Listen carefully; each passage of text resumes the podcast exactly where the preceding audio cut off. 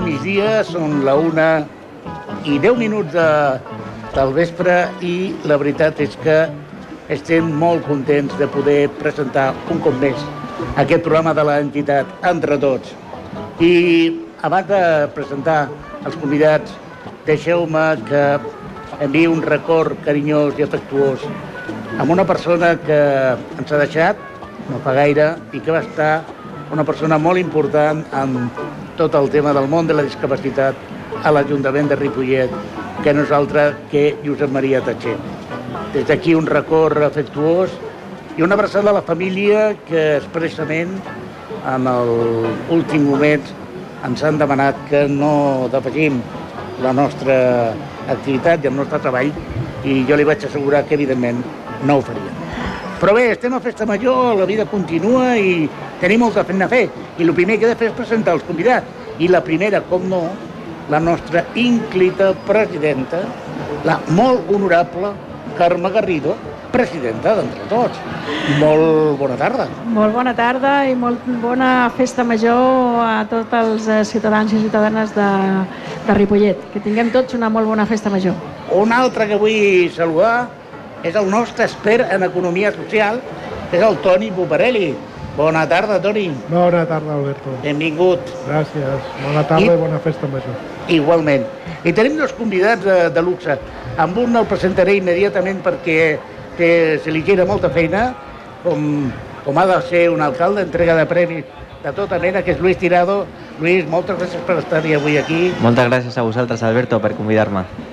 I també tenim a la Eva Herrera, que és la, diguem-ne, la regidora que estarà treballant amb nosaltres colze a colze. Bona tarda, Eva. Bona tarda i bona festa major per Ripollet. Eh, Lluís, perquè tinguis temps de poder marxar, com veus, eh, com va la festa major? Bueno, jo crec que, que hem començat molt bé, que, que aviam si el temps ens aguanta, però ahir va ser un dia d'èxit. El divendres hem tingut els concerts i ha anat tot, tot superbé i totes les activitats s'han complert tal com estava previst, eh, no hi ha hagut problemes de seguretat que em preocupava, em preocupava francament molt, ja ho vaig dir al pregó que volíem una festa major molt respectuosa, on tothom tingués cabuda i de moment sembla que va força bé per les informacions que, que tinc de, de la policia local ha sigut una nit tranquil·la, que ha anat bé, no com altres anys que havien tingut algun problemeta, i de moment va tot força bé. Perfecte. Lluís, et tinc que preguntar inevitablement per, a, per al tema que ens ocupa la nostra entitat, i és el tema del món de la discapacitat.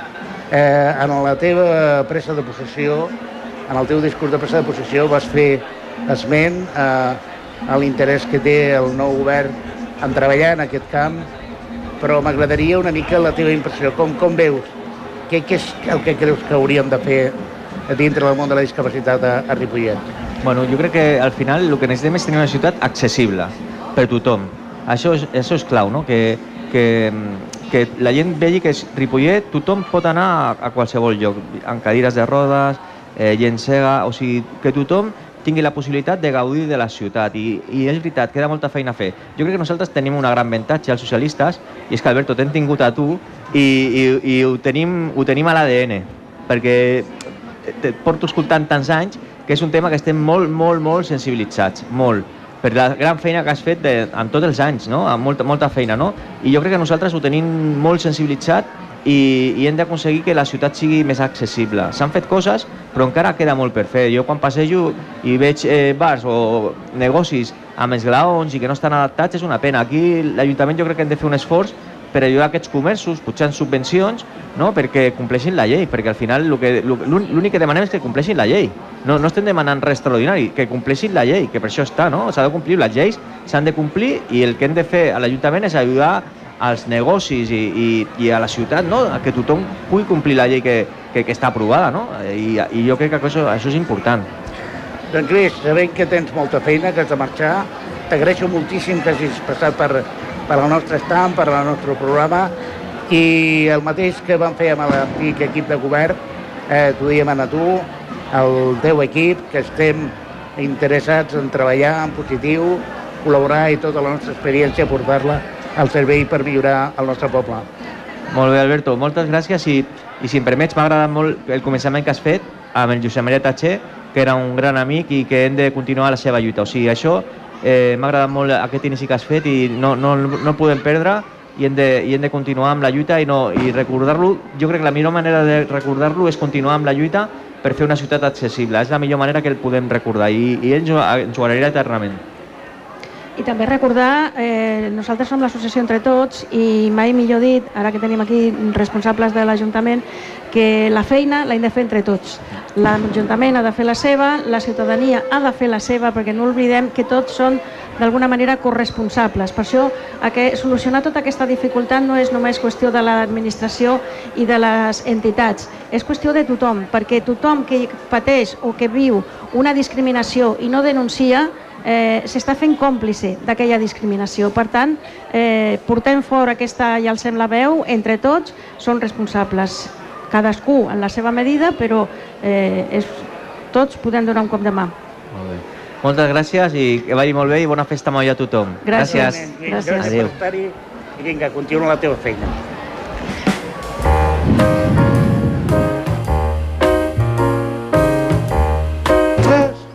Continuem aquí en Entre Tots, en el mig de, de la Festa Major. La veritat és que aquesta, si no vaig errat, és la quarta temporada que estem a Festa Major i la veritat és que ja comença a ser tradicional, eh? que el nostre programa estigui, estigui al carrer.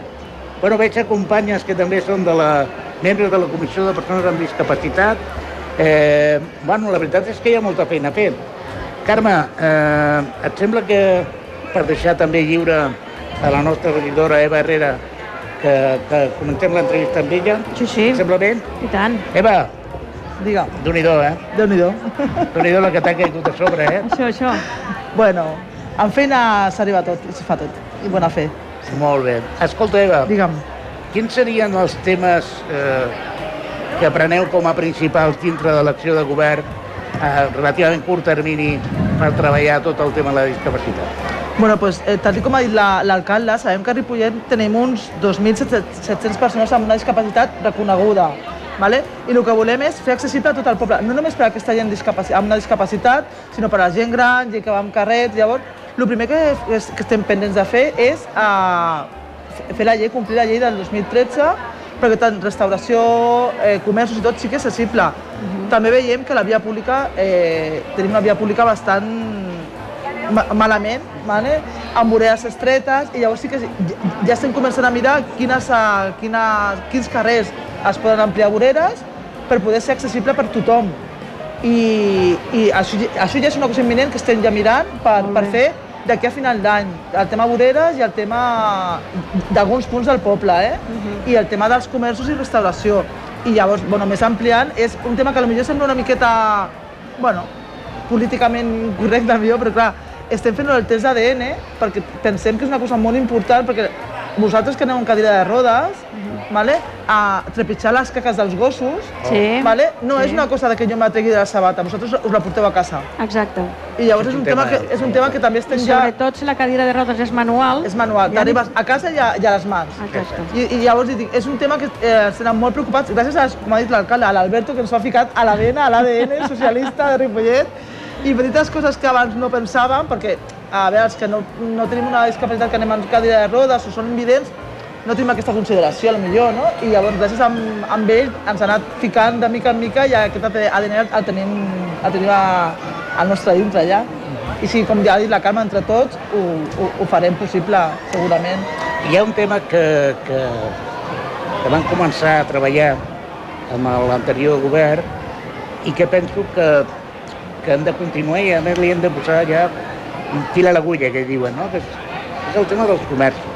Sí. El tema dels comerços és fonamental el treballar amb la seva accessibilitat perquè és l'única manera que tenim de poder garantir la igualtat i la, tenir opció a comprar i a ser un client més com qualsevol altra persona amb un ús absolut de llibertat perquè sense accessibilitat no hi ha llibertat. No? O sigui, continuareu amb la política de, de subvencionar la- l'accessibilitat de, dels comerços? Sí, sí, sí, això ja hem començat... Eh, jo porto una part de comerços i restauració i ja estem començant amb, els, amb tots els comerços tant, que estan a UCR com els que no per, per, per donar les subvencions, demanar-les a la- a l'àrea metropolitana o a, a la Diputació perquè tothom tingui la tinc l'obligació de fer els seus comerços i restauració accessibles perquè tothom pugui entrar.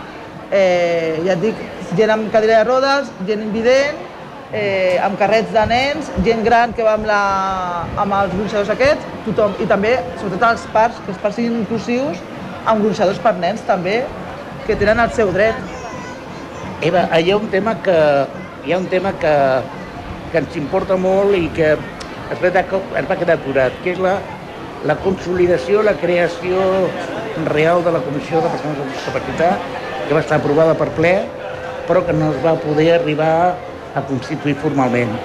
Eh, això serà una prioritat durant aquest any? Sí, sí, això ara al setembre estem començant a crear tots els processos de participació i totes les comissions que ja han estat aprovades per ple, a partir de setembre començar a treballar amb vosaltres, amb, amb, amb totes i sobretot amb vosaltres, per, per això, per fer Ripollet un poble, el poble pioner, accessible, que tothom es sentia a gust.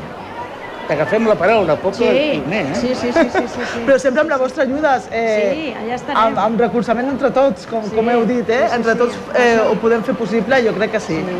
Ho farem possible. És important-. Perdó, Alberto. Sí, sí. És important eh, tenir en compte no només l'accessibilitat, sinó que la discapacitat, igual que la igualtat, igual que el feminisme, igual que moltes coses, és absolutament transversal a totes les àrees de l'Ajuntament, que quan parlem d'esport també es tingui en compte la discapacitat, quan parlem de cultura, quan parlem d'habitatge, quan parlem de, de qualsevol àrea eh, de ciutadania, de seguretat, etc, sempre es tingui en compte. És l'única manera del que tu deies, de, de complir la llei, i no només d'accessibilitat, sinó tot en general. No?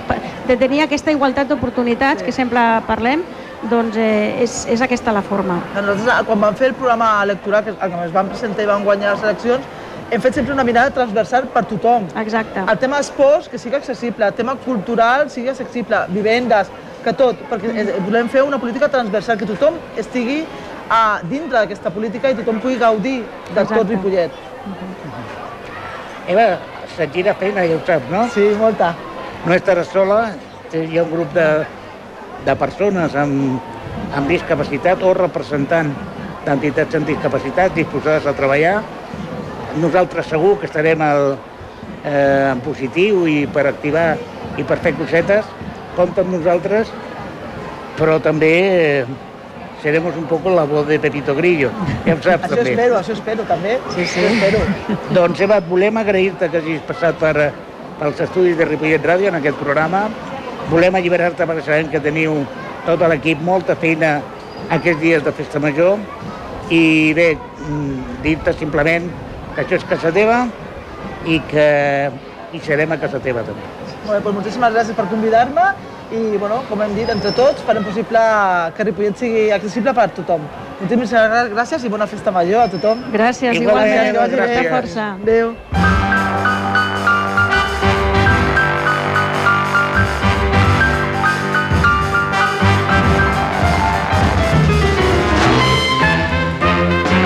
Bé, aquí estem, eh, aquí paradets, eh? La mar de, a l'ombra, encara no ha plogut.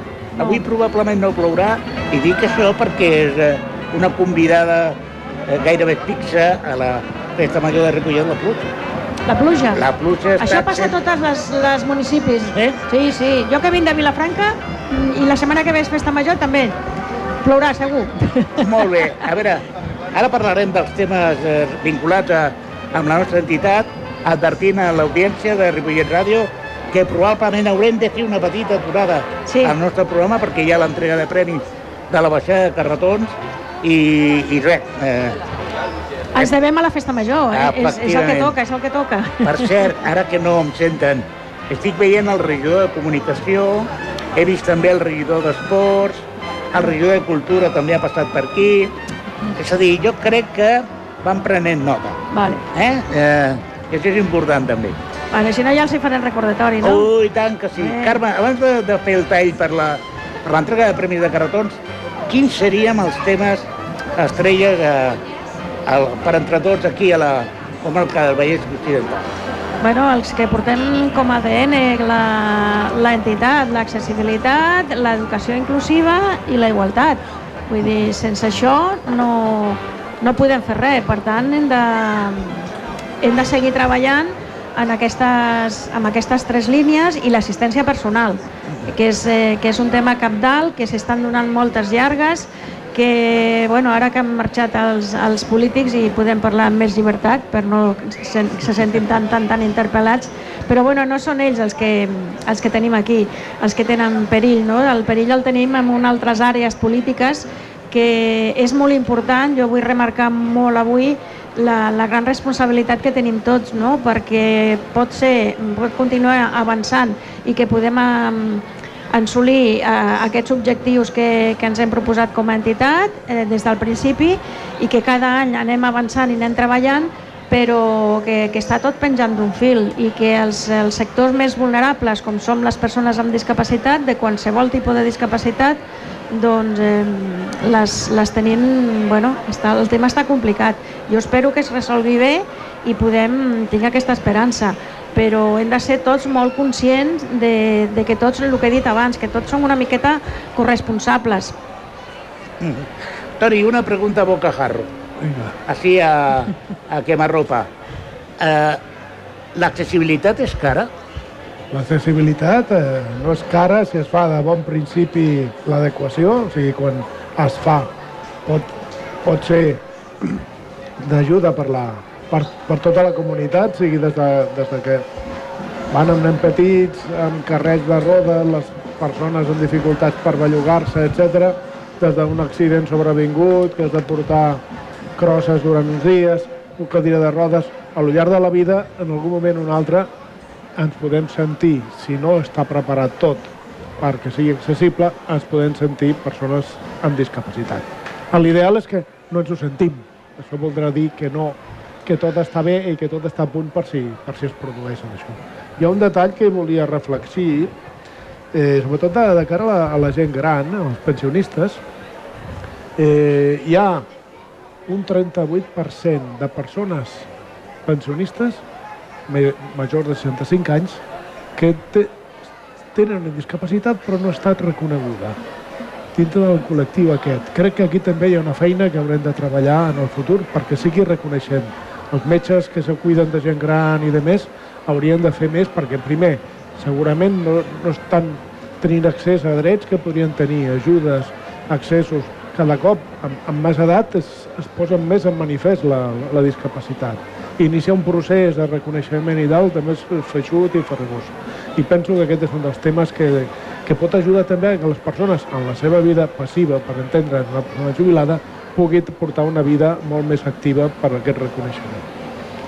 Cal tenir en compte, companys, que eh, les persones amb més de, de 65 o més ja no tenen una ja no se les reconeix una discapacitat, sinó que va, es considera que va d'alguna manera amb patologies associades a l'edat.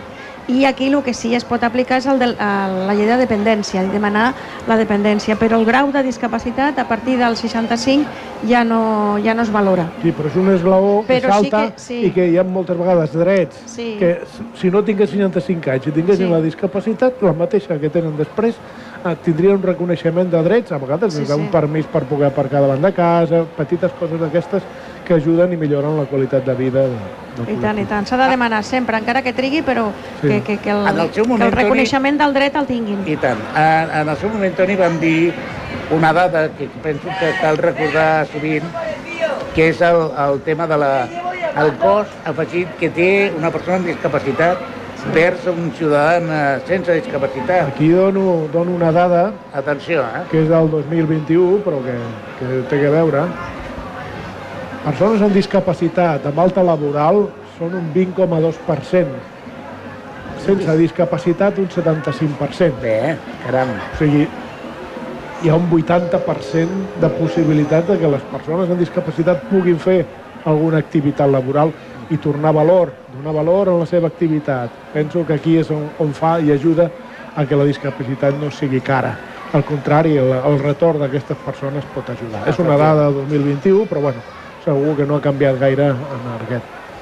Una altra dada que pot ser interessant, i ara que parlem de discapacitat i, i, i gent gran, és, eh, i això són dades del, de l'estudi de pobresa i exclusió social, eh, concretament de dones amb discapacitat. I apareix que com un col·lectiu especialment afectat per la pobresa extrema, amb una taxa que triplica la de la resta de la població, al mateix temps que és un 40% més alta que la dels homes amb discapacitat. I les dones amb discapacitats majors de 60 anys és pràcticament el doble dels homes de la mateixa edat. Vull dir que això que comentaven de tenir-ho reconegut i poder accedir eh, a aquests drets és molt, molt important perquè el, el tema de la, de la precarietat ens afecta i sobretot a, la, a les dones amb discapacitat, com he dit, eh, per sobremanera. Jo hi ha una, una reflexió que vull fer en veu alta i estem a Festa Major i eh, tot ha de ser alegria i gaudir del, de cada una de les propostes que ens han fet, que no han estat poques, però jo crec que el, el món de la discapacitat ha, ha sofert una gran, eh, gran transformació. I és que ara ho diem, Ara les persones que patim discapacitat, les persones que estan a prop de gent amb discapacitat, ho diu, ho reclama, perquè és coneixedora dels seus drets. I com deia tant l'alcalde com la, com la regidora, eh, s'ha de fer complir la llei. I crec que això és fonamental, perquè l'única cosa que demanem és el compliment de la llei. Eh? I crec que això és, eh, que això és important. Eh, a veure, eh, us he de donar una notícia que penso que us agradarà. Aviam. I és que Ràdio Barberà, a partir d'aquesta temporada, emetrà el nostre programa. Molt bé. Eh, a dir que, Fantàstic. Bueno, I a Barberà tenim companyes i companys Sí, home, i molt tant. actius I tant. i, bueno, eh, haurem de demanar un extra Sí, de sí. col·laboració amb ells Sí. perquè puguin d'alguna manera... El- Els companys de l'EBD de, de, de Barberà, de hockey, de cadira de rodes, Hi ha un tema que, que, tot i que pot semblar secundari, és molt important, que és el tema de l'esport adaptat. Eh, nosaltres hem estat, eh, de, bueno, de fet, contem dintre de les nostres files a un dels millors nedadors... Campió del món. Campió del món diferents vegades eh, i el tenim dintre de casa nostra, dintre de l'entitat, i des d'aquí felicitar-lo per als èxits que ha aconseguit i que, i que bueno, és, és increïble aquest noi, Sí, sí, sí, sí. com n'era. Estem parlant del Toni Ponce. Del Toni Ponce, exactament.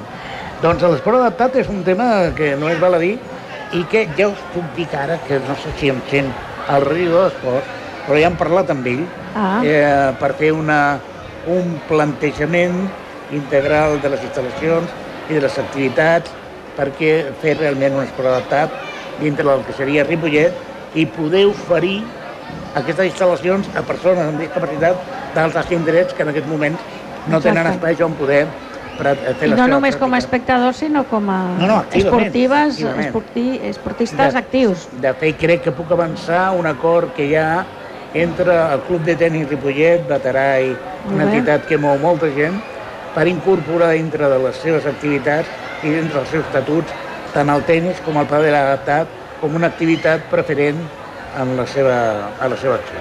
La qual cosa penso que és petits passos però que ens porten cap a la normalitat. Recordar que tenim conveni i sempre hi col·laborem i col·laboren ells amb nosaltres a la Federació Catalana d'Esports per Persones amb Discapacitat Física. Bé, doncs, eh, la nostra companya Cèlia eh, ens diu que estem a punt de l'entrega de premis de la baixada de carretons. Cèlia, així és? Hola. Hola, se m'escolta? Ui, ara sí. ara sí.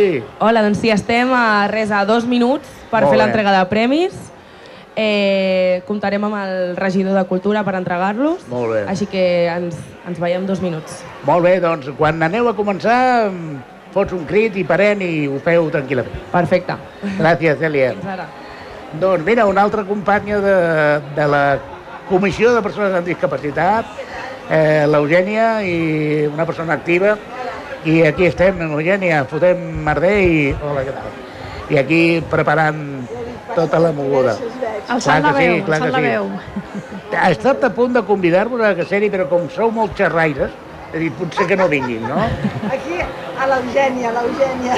L'Eugènia, hosti, l'Eugènia és una guerrillera, la Montse, l'Eugènia, en fi, tenim un grup de gent molt interessant per... Bueno, fer la resta de programes durant l'any No, no, no, no les, les anirem mai. portant, eh? Les no, anirem no, no. portant. No, no, no, l'han- no l'han de convidar mai. aquesta. No? No. Vols dir? No, no, no ves que tenen discapacitat. Ah. Deixa-la, eh?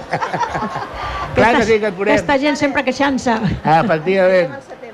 Ah, i tant que et veurem al setembre.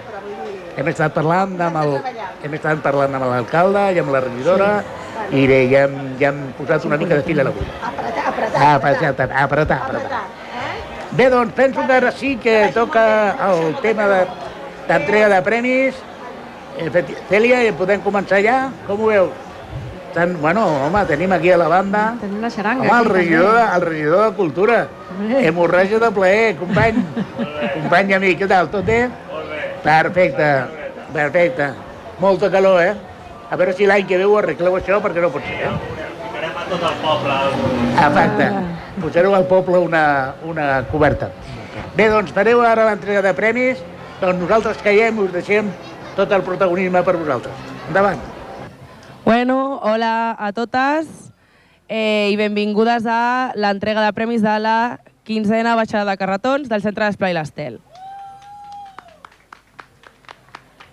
D'acord, doncs eh, entregarà, bueno, farà entrega dels premis eh, Roger Balló, el regidor de Cultura. Eh, aquest any hi ha dues categories. Eh, la júnior, passem als premis ja, eh? Vale. El premi al carretó júnior és per Sergio Antón. Ui. Hola. Sergio Antón.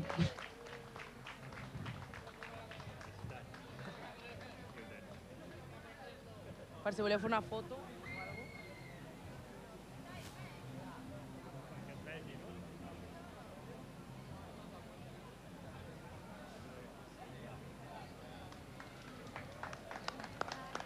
Vale.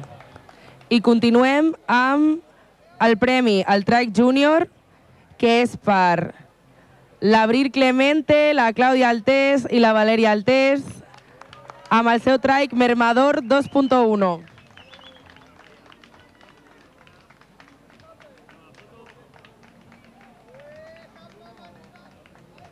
Que el premi és un pack de xutxes de, de llaminadures molt bones, un tàper de l'Esplai Estel i un bal de la FNAC.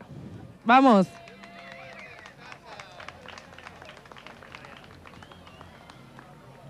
D'acord. Doncs ara passem a la categoria sènior i el premi al traic més espectacular és per Ismael Poderoso, taxi de rape total. De nada. Merci. Oi.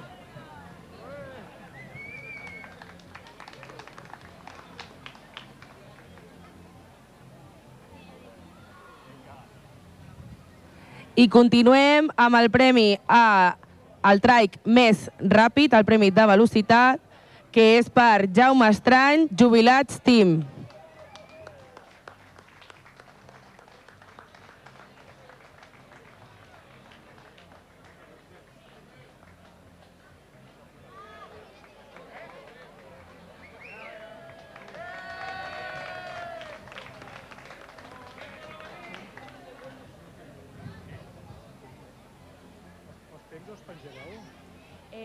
Jo, el mateix no els tinc, però ara li preguntaràs... a- Vale. A vosaltres. Vale. I el premi pel carretó més ripolletenc és per Berta Arús, Mario Zaino, Elena Parente i Gerard Díaz, los descarrilados. No hi són. Bueno, passem al següent. I l'últim, següent i últim, que és el carretó més espectacular, que és per Raúl Herreros i David Moreno, l'Oblit. Ah, vale.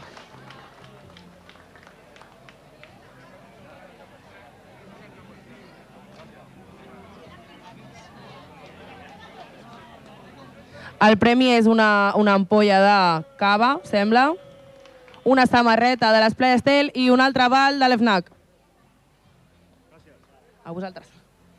I fins aquí l'entrega de premis. Moltes gràcies a totes per assistir i ens veiem l'any que ve. Tum, tum, tum.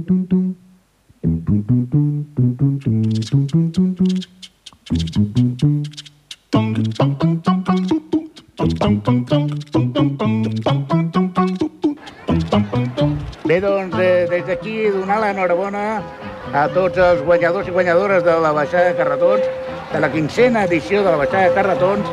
I bé, doncs, eh, continuem en el programa entre tots.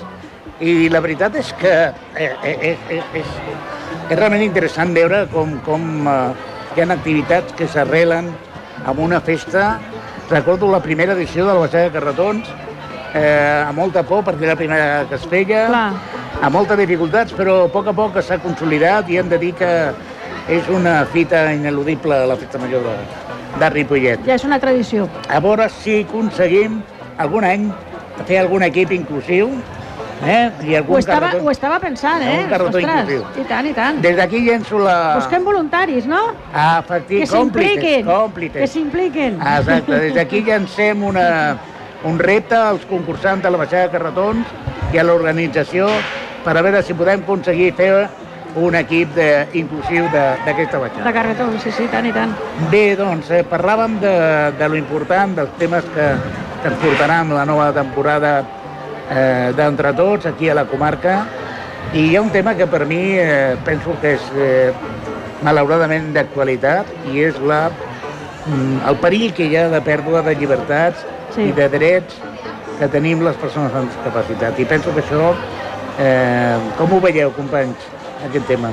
Bueno, jo és el que he comentat abans, és, em preocupa moltíssim perquè estem en un punt de, de perill com no havíem estat fa, fa molts, molts, molts anys, no? Eh, de, des de que es va recuperar la, bueno, la democràcia en aquest país, doncs eh, hem anat a vegades més, a vegades menys, hem anat avançant i ara ens trobem en aquest punt de que, ostres, que està tot penjant d'un fil, no? I, bueno, aquí tots hem de tenir molta responsabilitat, molta força i, i confiar en que podem treballar i podem continuar aquest abans, oi, Toni? Sí, i jo crec que una, una cosa important és fer valdre els drets que, que hi tenim.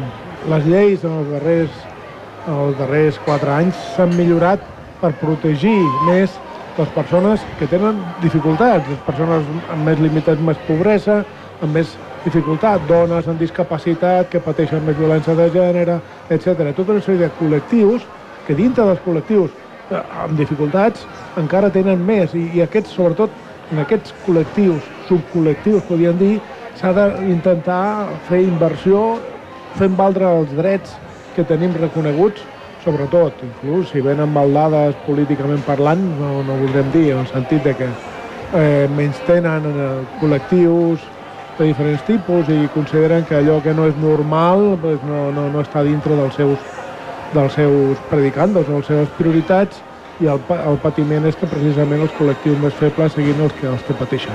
I ja sabem, per totes les estadístiques que hem viscut i per la realitat que vivim, que des de la, la violència de gènere contra dones amb discapacitat, per exemple, és bastant més gran, pràcticament quatre vegades que el de persones sense discapacitat, per exemple.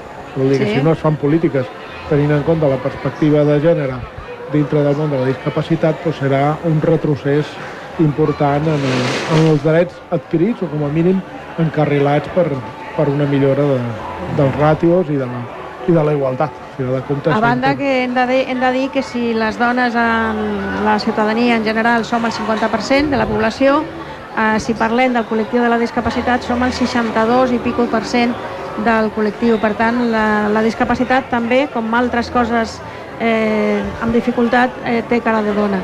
I aquesta és una altra lluita que portem des d'entre tots i des de la federació de la que formem part, de, de la Federació ECOM, per, per treballar per aquestes discriminacions i, i anar equilibrant aquestes desigualtats. Hi ha altres drets que semblen eh, en les persones sense discapacitat, com per exemple la llibertat sexual i coses d'aquestes, en el món de la discapacitat, sobretot femenina, sembla, i també homes, sembla que siguin eh, drets que encara no, no hi són.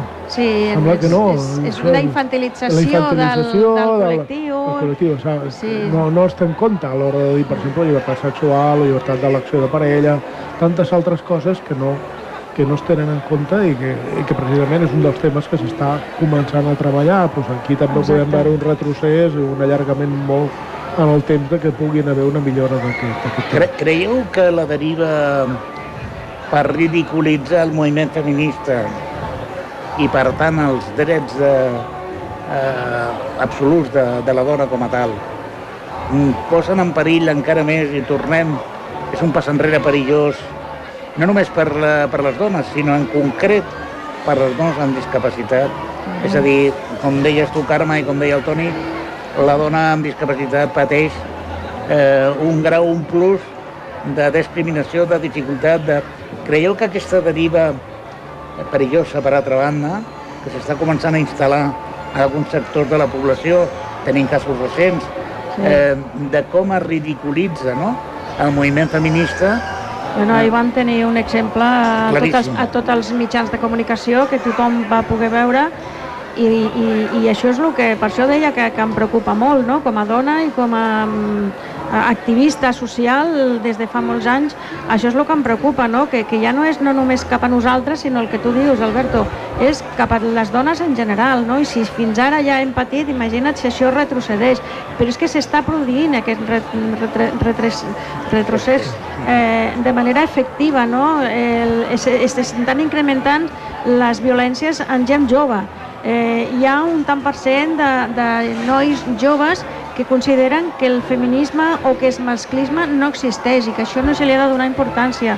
Ostres, si existeix, em portem un estiu mm, molt, molt tràgic, no? Que cada setmana eh, una o diverses dones eh, moren a, a mans de, de les seves parelles, de ex o, o actuals o exparelles. I això en l'àmbit de la discapacitat hem de dir que el 22% de les dones que moren assassinades eh, per violència masclista són dones amb un, algun tipus de discapacitat, que ja la tenien o que l'han eh, han arribat amb ella a través d'aquesta violència que a vegades els afecta de tal manera que acaben amb una discapacitat. Tot això és molt greu i ho hem de tenir en compte. Hi ha un tema que, que a mi personalment em fa molta gràcia, eh, em fa molta il·lusió portar-ho a terme i lluitar-ho, sobretot aquí a Ripollet, perquè penso que es donen els ingredients adequats per, eh, per, el, per, el, per, per portar-ho a terme, que és el tema de l'assistent personal. L'assistent personal penso que és una... Home, potser el dissabte a Festa Major eh, al mig del carrer parlar de l'assistent personal no sigui el moment ni el més adient, però crec que paga la pena explicar molt breument què és això de l'assistent personal, perquè crec que és la diferència, és a dir, ho diré així de clar, si no esteu d'acord, m'ho dieu. Amb accessibilitat universal i assistent personal, la discapacitat desapareix. Sí. Estaríeu d'acord? Correctament. Totalment d'acord. Totalment. Mira, nosaltres, bueno, ja ho sabeu, com a entitat i com a federació, eh, és que ho tenim com a, com a concepte, ho portem al nostre ADN i reivindiquem la incorporació de l'assistència personal en el, en el procés de, de lo que dèiem abans amb, amb els companys de l'Ajuntament, de repensar les polítiques públiques de la cura i la conciliació eh, com una via clau per la nostra autonomia i per la igualtat de gènere. En els casos de, de les dones amb discapacitat, el que dèiem abans, doncs necessitem el suport d'una tercera persona. Si no podem accedir a l'assistència personal, estem més exposades a violències masclistes per part de la nostra parella, de l'entorn familiar, institucional, ja que no podem decidir qui accedeix al nostre cos o a la nostra intimitat. Vull dir, és que això és super, super important. Cal dir que la diferència entre un assistent personal i, un, uh, i una ajuda a domicili és absolutament diferent, completament diferent. Una ajuda a domicili és la persona que ve a casa teva i fa aquella, alguna tasca de les que tu no pots fer. L'assistent personal està amb tu, tu decideixes qui persona has de contractar perquè és la persona en la que tu te sents còmode eh, i és eh, el que t'ajuda les 24 hores en aquelles coses que tu per tu mateix no podem fer, que nosaltres per nosaltres mateixos, que t'acompanya al metge o t'acompanya eh, de festa o te'n vas de vacances, o t'ajuda a dutxar-te, o, te- o, te- o vas a comprar aquella roba que t'agrada, aquell menú que vols fer i que conjuntament amb el teu assistent personal a casa el podràs fer de la manera que a tu t'agrada, amb aquell punt que a tu t'agrada. Aquesta és la gran diferència i aquesta és la gran eh, lluita que costa moltíssim perquè des de l'administració encara es veu com una despesa, consideren que és millor que estem tancats a residències, però hi ha estudis eh, a nivell de Catalunya i estatals que demostren que és més econòmic tenir una persona al seu domicili amb el seu assistent personal que no amb una residència eh, amb un cost general. Eh, eh, Toni, això que t'has- tu, és com espera en, en economia, potser podràs eh, desmentir o donar la Sí. raó en aquest tema. Hi ha un tema que, que ha col·lateral, el tema de la de l'assistent personal, que moltes vegades una part important de les tasques pròpies d'un cuidador personal ho té la persona que té cura.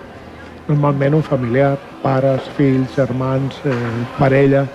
I aquestes persones moltes vegades no tenen les oportunitats laborals o de, o de desenvolupament personal moltes vegades vinculats o disminuïts pel fet de tenir cura de la persona.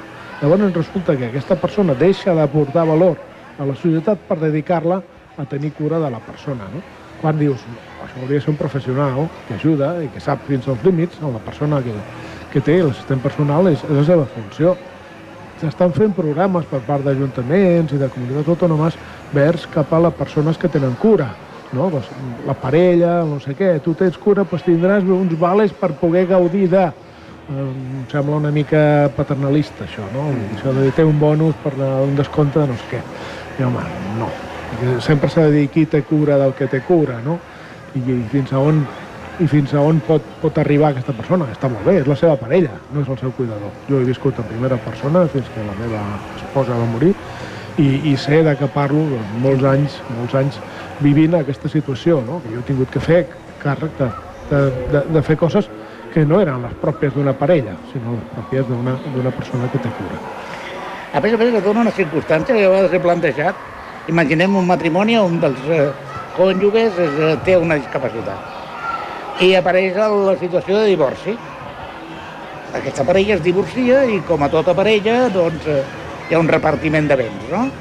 I normalment, si hi ha criatures de menors d'edat, es queden normalment amb la mare i normalment en el pis propietat de la família. I jo pensava a vegades, si jo em separo de la meva dona i li correspon per justícia el pis eh, i a les meves filles, a on vaig jo? A on va una persona Sí, sí. amb una un disca- discapacitat? És complicadíssim el tema habitatge per tothom, eh? Això que quedi clar, i sobretot per al lloguer. Però si encara tens una Aquí, discapacitat... eh, multiplica per- Digue'm, a l'opció aquesta amb una guardilla eh, ja no pots... I això, Alberto, eh, sent una separació, diguem-ne, amistosa. De bon rotllo, De, de sí. bon rotllo. Ara imagina que hi ha una situació de violència i la dona ha de marxar i té una discapacitat o l'home té la discapacitat. O sigui, la, el, aquest tema social que dèiem, aquesta regressió de la que estem parlant, o sigui, a l'abandona i a sobre té una discapacitat. O sigui, vic, Sí, sí. victimitza i al millor el maltractador és ell. Saps què vull dir-te?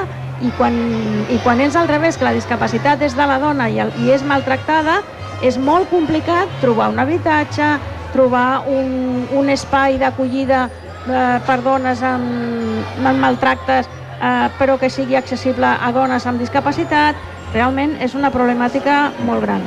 Pues, bueno, senyores, senyor, eh, estem arribant al final del programa, però sobretot a mi m'agradaria acabar amb un missatge optimista. Vinga. I quin és aquest missatge optimista?